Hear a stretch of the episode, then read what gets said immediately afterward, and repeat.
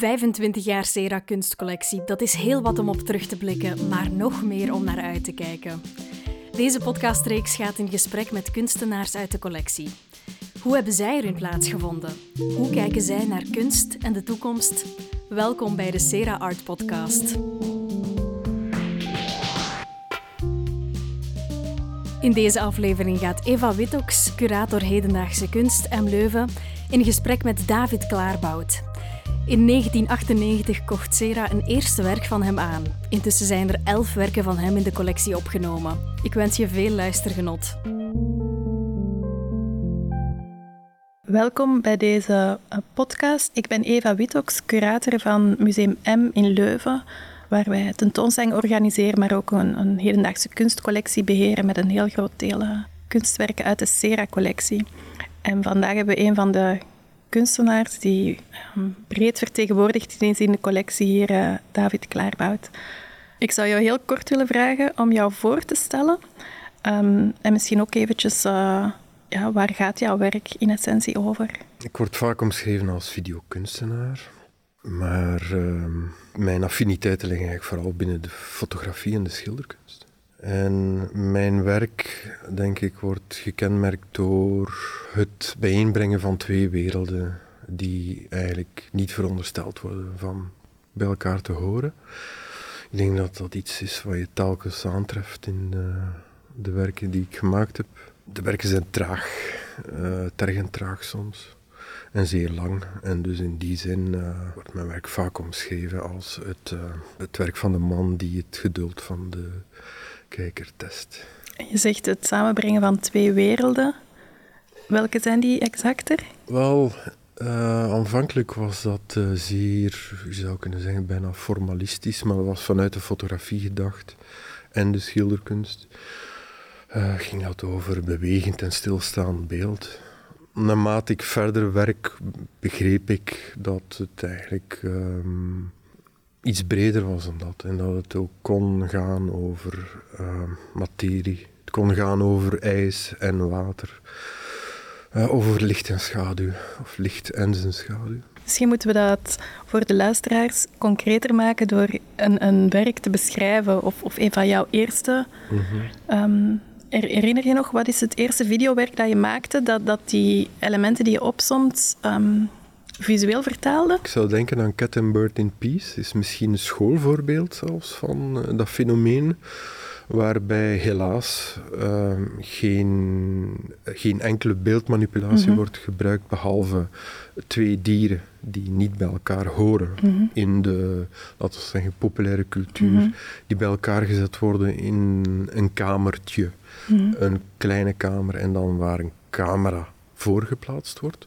Een vogel, een parkiet en mijn eigen kat. Dus jij, jij zet je kat met een parkiet zonder kooi in een kamer, jouw camera erop en je wacht wat er gebeurt. Ja, destijds hadden we tapes van 60 minuten en 90 minuten. En ik had geloof ik 90 minuten in de recorder zitten. Ik was niet eens mijn eigen camera, ik bezat geen enkel toestel eigenlijk. Uh, dus het eerste werk heb ik gemaakt met geleend materiaal louter experimenteel. En um, met de kat en de vogel gaven mij zoveel vertrouwen. Ik zat daar in een zolderkamertje, in een atelier in Antwerpen. Uh, gaven mij zoveel vertrouwen in de, het, het schijnbaar vredevol naast elkaar zitten, dat ik uh, ook naar beneden ben gegaan om koffie of thee te maken, weet ik veel. En een half uur later terugkwamen ze zaten nog steeds netjes aan... Uh, aan uh, beide randen van het beeld, links en rechts, behalve dat ze uh, alleen hadden ze van plaats, uh, hun plaats gewisseld. Um, maar het werk in de Sera Collection, Cat and Bird in Peace, toont daar iets van een kleine tien minuten mm-hmm. van. Eigenlijk gebeurt er niets. Er gebeurt niets, behalve dat de kat nu en dan miauwt. Wat er in werkelijkheid gebeurt, is dat de kat in paniek is en de vogel wijselijk zeer stil blijft zitten.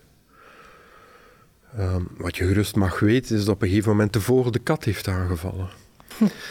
uh, maar dat, die materie, die, uh, ik heb daar nog stils van, maar ik heb daar geen bewegend beeld meer van. Aanvankelijk, als beginnend artiest verlies je nogal wat. Mm-hmm. Maar die actie wou je niet in beeld brengen? Nee, daar ging het ook niet over. Um... En je, je hebt dan die opname je kiest daar een fragment uit, hè, het, het, afwachten van die twee dieren.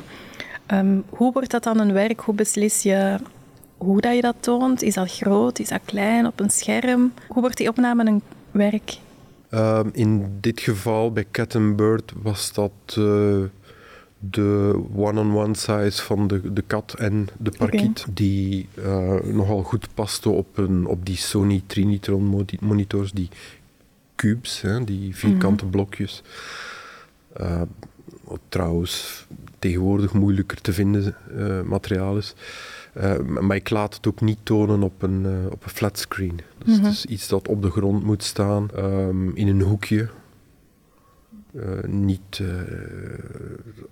non-monumentaal eigenlijk. In, in, dat is het enige dat telt. Cat and Bird, denk ik, is van 1996. In hetzelfde jaar maak je ook een ander werk, die boom. Ja, ik vermoed dat de boom net voor Cat and Bird in Peace mm gemaakt is. En ik zie mij nog altijd naar die plek lopen langs de, vlak bij de Kennedy-tunnel, vlak voor je de Kennedy-tunnel inrijdt. Daar stonden een aantal zilverbergjes. En ook daar was het een kwestie van de tape vol te schieten met uh, de wind. Het was een, een, dag met nogal dramatisch veel uh, wind. Het ging mij eigenlijk over de choreografie van een stilstaande camera voor een stilstaande boom. Dus het dansen van, van de bladeren, kroon en massa eigenlijk in, in de wind. Mhm. Ja, dan zou je kunnen zeggen dat is het hele eerste werk van een thema of motief wat mij altijd zeer dierbaar is geweest, namelijk de aanwezigheid van de boom als getuige, getuige voor de tijd. En daar flirt je nog iets meer dan Cat and Bird met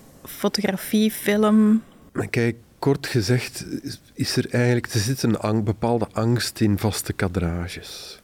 En van waar komt die angst? En die heeft waarschijnlijk iets te maken met wat wij uh, ons herinneren van fotografie. Dat is dat het uh, niet geanimeerd leven, namelijk niet ademend leven, uh, daarmee geassocieerd wordt. Met namelijk dus dood of herinnerend aan een passage uit het bestaan dat nooit meer terugkomt. Wanneer we dan gaan kijken naar bewegend beeld, dan hebben we de illusie aan de hand van die zoveel frames, pakweg 25 per seconde, die onze hersenen niet kunnen vatten als stilstaande beelden, maar waarbij we, dat we de illusie hebben van uh, vloeiende beweging. Dat is ineens een zucht slaken van bevrijding. Ah, hier zit wel leven in. En dat heeft mij altijd gefascineerd, dat we die reflex zo in ons hebben. En in later werk ben je ook foto's gaan animeren in zekere zin. Ja, ja dat, is, dat, was er van, dat was er eigenlijk van in het begin, die ambitie was er, en ik ben daar nog altijd mee bezig. Mhm. Ik ga nog steeds naar in bibliotheken en boekenwinkels of op het internet heb ik minder succes. Maar in, archieven. Ehm, en ik sla, iets, ik sla een boek open en, en ik heb binnen een fractie van een seconde heb ik een hele film voor me. Ik zie iets wat over niets gaat, wat geen onderwerp heeft. En dat is, dat is een manier van werken, van, van, van, eigenlijk van zoeken, uh, die me nog steeds sterk inspireert, omdat je, je krijgt zoveel van zo weinig. En dat, dat gebeurt eigenlijk altijd aan de hand van foto's. Bewegend beeld doet dat niet met mij. Ja, je hebt heel veel ideeën, maar je, je maakt maar x aantal werken. Ik maak één werk per jaar. Ja. ja. Maar vroeger, was in het begin, die, die Cat and Bird, toen maakte je veel meer. Ja, iets meer, maar ook weer zoveel meer niet. Hè. Dus dan waren het er misschien drie, vier en dan tekende ik wel mhm. eh, vrij veel. Die balans tussen tekenen en, en, uh, en film is, is er altijd geweest eigenlijk. Er is een korte periode geweest, net voor 1996, de tijd van de, tussen het afstuderen op de academie, de Rijksacademie, en dan de tijd toen ik ehm, eh, eigenlijk begon met mijn eerste mhm. werken. Dus die, dat zijn die werken die in de. In Wat heb je gestudeerd? Uh, wel, ik heb eigenlijk grafische kunsten gestudeerd. Uh, ik heb ook tijd schilderkunst gestudeerd, maar ik vond schilderkunst al vanaf dag één sterk vermoeid. Ik was geen slecht schilder, maar ik, schilderkunst was vermoeid. De geur, de materie, de geschiedenissen, het gewicht de opeenstapeling van doeken opgespannen op het beviel mij vanaf dag één niet. En papier was iets anders. Papier, kon je op elk moment wegsmijten, kostte geen geld, uh, was lichter. Um, en dat is zo dat kleine deel van de, van mijn traditie, van de traditiekunsten die ik mezelf heb toegelaten om verder uh, mee te werken tot op vandaag. En er is, is er een rechtstreekse band tussen de films en de tekeningen?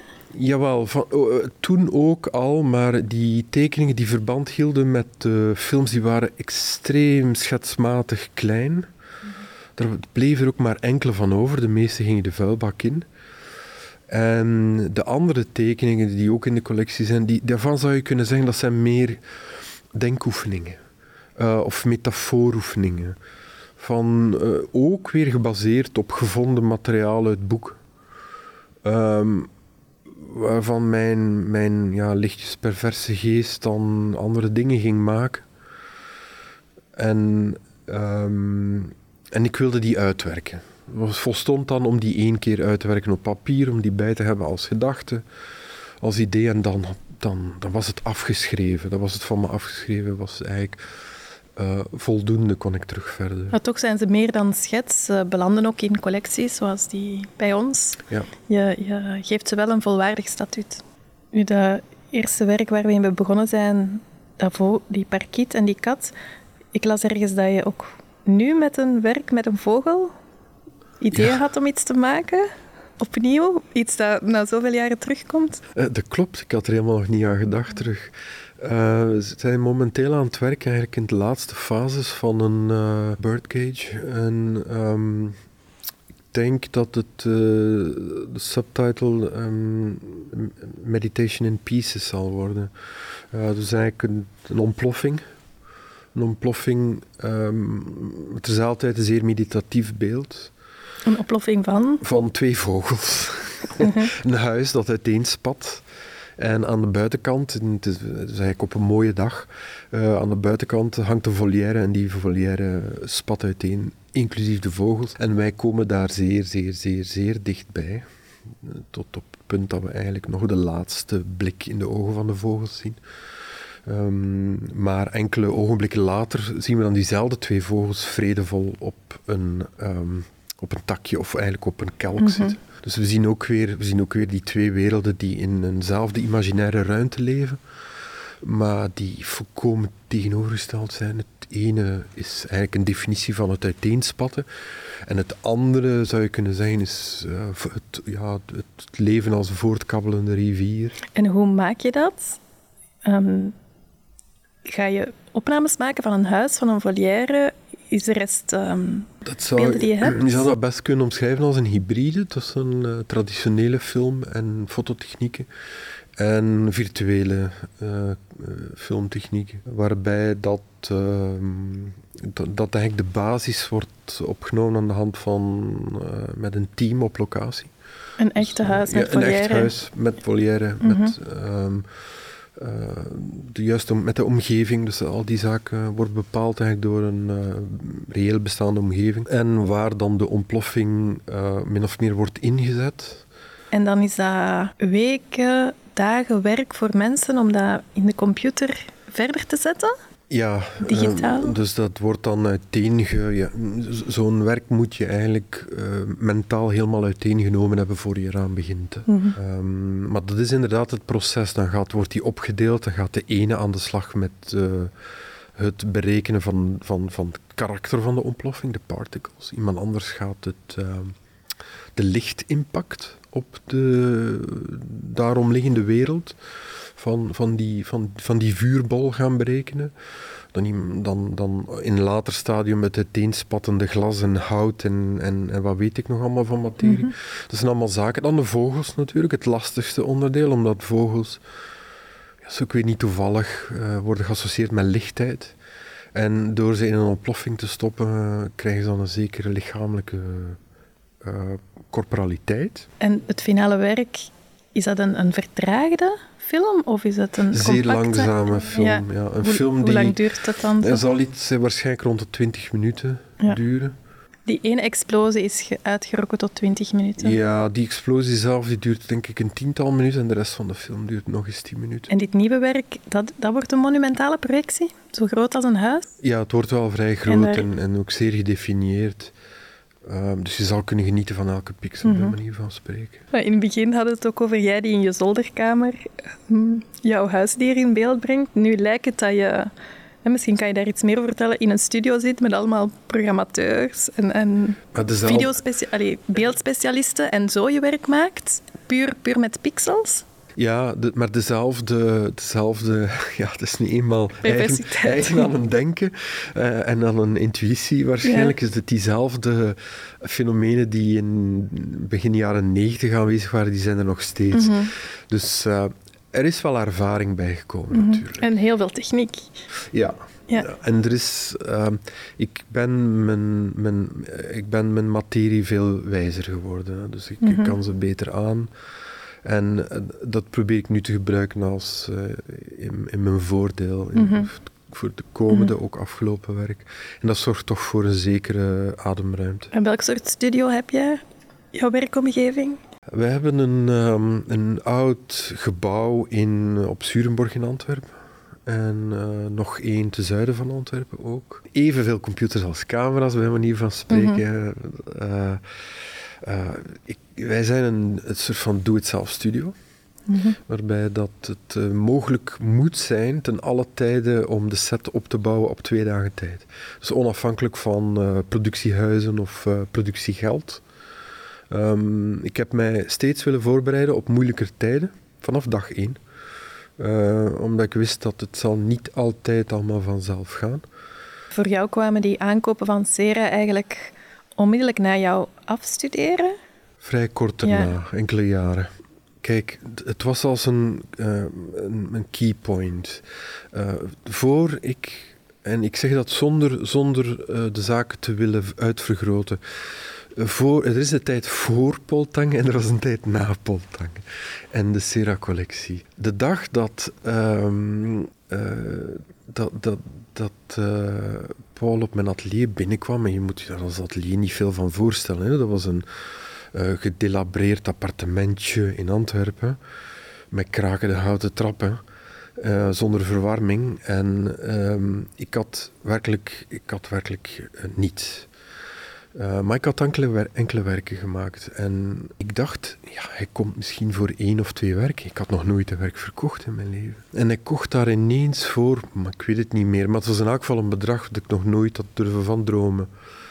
En van de ene dag op de andere kon ik zelfstandig werken. Dat is, uh, en dat is zeer belangrijk voor een jong artiest. Mm-hmm. Dat is uiterst belangrijk. Als je niet op een gegeven moment zoiets hebt hebt, dan, dan, dan krijg je niet die, uh, die kick om uh, verder te doen. Dat is zo belangrijk. Uh, je, moet, je, je hoeft niet altijd grote overwinningen te boeken. Kleine overwinningen volstaan, maar die moeten er wel zijn.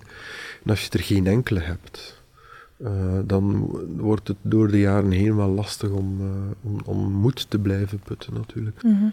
Om terug te gaan naar jezelf, moest je die aankopen van Sera niet gehad hebben, was je nog waarschijnlijk langer in het onderwijs gebleven. Waarschijnlijk. Ja. Hm. Het is, er is niemand die weet of dat uh, de beslissende factor was, maar hm. het voelde toen wel aan, jarenlang, als een soort van lente. Iets dat hm. ontluikte en dat zich uh, kon ontwikkelen. Ik heb dat ook altijd zo gezien hoor, vanaf dag één. Van oké, okay, ik ga hier nu dit en dat en we gaan dat langzaam opbouwen, voorzichtig weg. Er is nog één werkfilm waar we het niet over gehad hebben, dat is die Santelia. Kindergarten Antonio Santelia. Ja, dat vertrekt van een foto. Je, verbaast me dat, dat, daar toch inderdaad weer, want inderdaad, dat zit dan ook weer in de collectie. Mm -hmm. Ik moet toch zeggen, um, Paul Tange had een goed oog. Mm -hmm. En Kindergarten is uh, ook weer gebaseerd op een van die gevonden foto's uit, uh, uit archieven, uit boeken. Dat licht, hè, het fotografische, de helderheid, de lente, de, de, dus het begin van een periode, dat staat ook, eigenlijk ook dat beeld, dat gaat allemaal over jeugd, uh, een, een, moment in de tijd, in een ver verleden, et cetera, maar terzelfde tijd ook, uh, laten we maar zeggen, fris en monter. En alles moet nog gebeuren. Dus kinderen op een speelplaats met kleine boompjes. En uh, het werk dat ik ervan heb proberen te maken, probeert eigenlijk vooral iets te vertellen over de verhouding tussen de biologische vergankelijkheid. Dus al die kinderen, die speelplaats, staan allemaal niet meer. Ehm, maar die bomen, uh, conceptueel eigenlijk wel nog. Terzelfde tijd zegt kindergarten Antonio Santelia ook iets over mijn uh, toch wel lichtjes, uh, om het met een moeilijke term uit te drukken, anti-antropocentrische houding. Waarbij dat ik absoluut mens liever naar de marge van het beeld druk. En wat gebeurt er met die foto die je animeert? Nee, die tijd, dat waren allemaal zeer eenvoudige ingrepen. De, de, de, de bomen, de, de, de lenteblaadjes aan de bomen. Want dat is het eerste jaar dat die bomen dan uh, bestaande lenteblaadjes, die wiegen lichtjes in de wind. Kan je misschien iets zeggen over de soundtracks bij zo'n werken? Want natuurlijk, die foto heeft geen geluid. Voeg je daar een laag aan toe of niet? Ik heb altijd gedacht als, uh, stilte, uh, aan stilte als een, een allesvervullende klank of een alles uh, innemende klank. Ik heb stilte, ook al was het maar, ook al werd je maar geconfronteerd met het ruis binnen je oren. Um, dat, dat, stilte was voor mij de meest dankbare klank. En in die zin geloof ik ook niet in luide werken. Misschien nog één werk waar we eventjes op kunnen inzoomen in de Sera-collectie, is dat Engeltje. Mm -hmm. Dat we hier al een paar keer getoond hebben, die hier ook heel mooi past binnen onze historische collectie of, of, de beelden die je hier echt ziet. Um, dat is ook weer misschien iets heel vredevol. Ja, ja, inderdaad. Het is interessant dat je dat werk vermeldt, omdat Engeltje was voor mij een van de eerste oefeningen, waarschijnlijk de eerste oefening, om energie af te leiden van het onderwerp naar een bijzaak. Dus namelijk van het onderwerp van het engeltje, dus van het gesculpteerde wezen dat uh, steen. versteend mhm. is, gefotografeerd wordt. Mhm. Namelijk dubbel versteend, twee keer. Dus hopeloos ook in de tijd gevat um, en gevangen. En dat dan, waarbij dat dan eigenlijk de, de, de, de, de, de energie wordt afgeleid naar de roos die een koperen roos is, uh, fragiel gesculpteerd en dan geplaatst in dat stenen uh, beeldhouwwerkje. Um, verwonderlijk dat het eigenlijk na al die tijd daar nog in zit, hè, want dat is een beeldhouwwerk dat meer dan een eeuw oud is. En, en, waarbij dat die roos wordt geanimeerd. En ook heel interessant om aan jou te horen hoe, hoe bepaalde elementen uit die hele vroege werken eigenlijk toch uh, terugkomen, terug zijn blijven hmm. komen, maar ook heel erg geëvolueerd zijn. Dus ook voor een stuk dankzij ons gesprek dat ik daaraan denk, aan die verbanden tussen die mhm. vroege werken en de... Mhm. En, en, die wordt zelden belicht, dus uh, dank mhm. daarvoor. Ja, nee, en, en, heel veel succes met ook de nieuwe films en de expos die eraan komen. Dank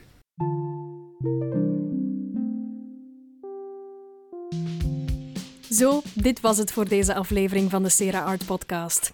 In de volgende aflevering gaat Evelien de Wilde in gesprek met Leila Aydoslu. Graag tot dan!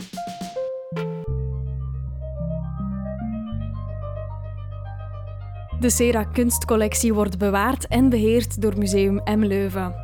Wil je meer weten over onze collectie?